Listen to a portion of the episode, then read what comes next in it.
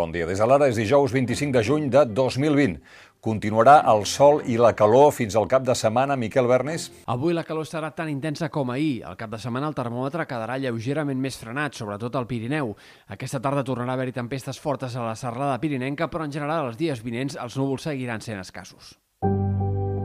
El Congrés dels Diputats vota avui a porta tancada i amb vot secret que el Tribunal Suprem investigui Laura Borràs per presumptes irregularitats en la gestió al capdavant de la institució de les lletres catalanes. Tot i els contactes dels últims dies, els partits independentistes no han arribat a cap acord i si no hi ha canvis d'última hora, votaran dividits, com ja va passar a la comissió. Esquerra i la CUP s'inclinen per no votar, per no prema cap botó, mentre que Junts per Catalunya votarà en contra.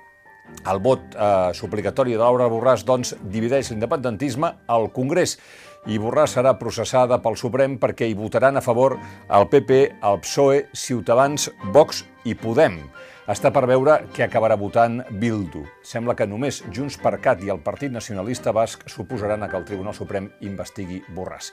I aquesta nit a les 12 començarà la campanya electoral al País Basc i Galícia de cara a les eleccions del 12 de juliol.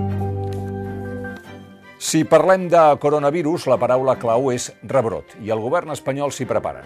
El Gobierno va a aprobar en breve un plan de preparación y respuesta para hacer frente a una posible segunda oleada de COVID-19 o posibles incrementos en la transmissió.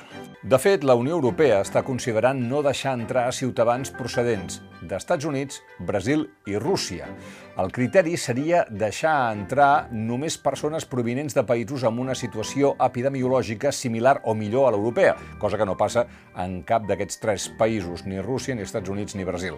Un dels problemes, però, és la eh, fiabilitat de les dades dels contagis. Només cal mirar Donald Trump, que fins i tot en l'últim míting va suggerir no fer tants tests per alterar les xifres. La rebella de Sant Joan va ser també una de les més tranquil·les dels últims anys. Hospitals, bombers i protecció civil van registrar un 40% menys d'incidències en relació al 2019. Un comportament modèlic, va assegurar el tinent d'alcalde de Seguretat de l'Ajuntament de Barcelona, Albert Batlle. Eh, tot i així es van atendre 142 persones als hospitals eh, i CAPs, sobretot per la qüestió dels petards, que és un 42% menys que el 2019. La nota més alarmant van ser tres agressions sexuals. Hi ha un detingut a Cambrils, al Baix Camp, i una agressió homòfoba a Sant Adrià de Besòs.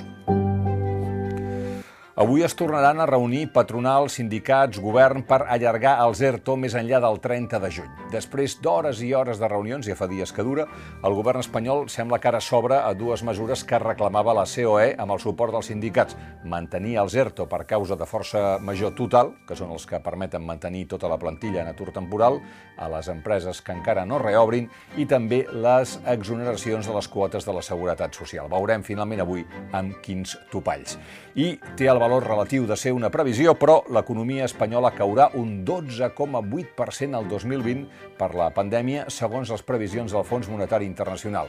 Ha empitjorat en gairebé un 5% el seu pronòstic de l'abril i situa Espanya, juntament amb Itàlia, en el pitjor lloc dels països avançats. Entre les eh, grans economies, l'any 2020 només creixeria la Xina i de manera molt dèbil.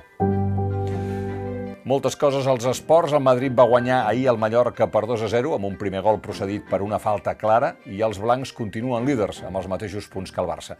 Per cert que el migcampista brasiler del Barça, Arthur, podria jugar a la Juve eh, italiana la temporada que ve, segons el que avui explica Antoni Padilla. El Barça necessita fer caixa i Setién no està content amb Arthur.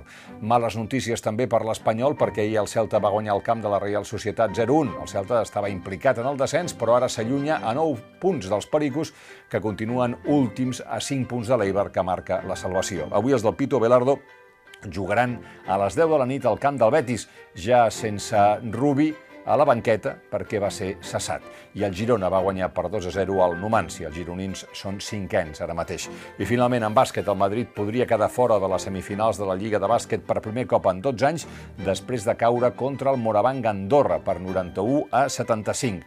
Amb dues derrotes i dues victòries ja no depenen d'ells mateixos i ara s'obren un munt de combinatòries que no es començaran a aclarir fins la jornada de demà. Fins aquí les claus del dia. Tornem d'aquí uns minuts amb l'anàlisi.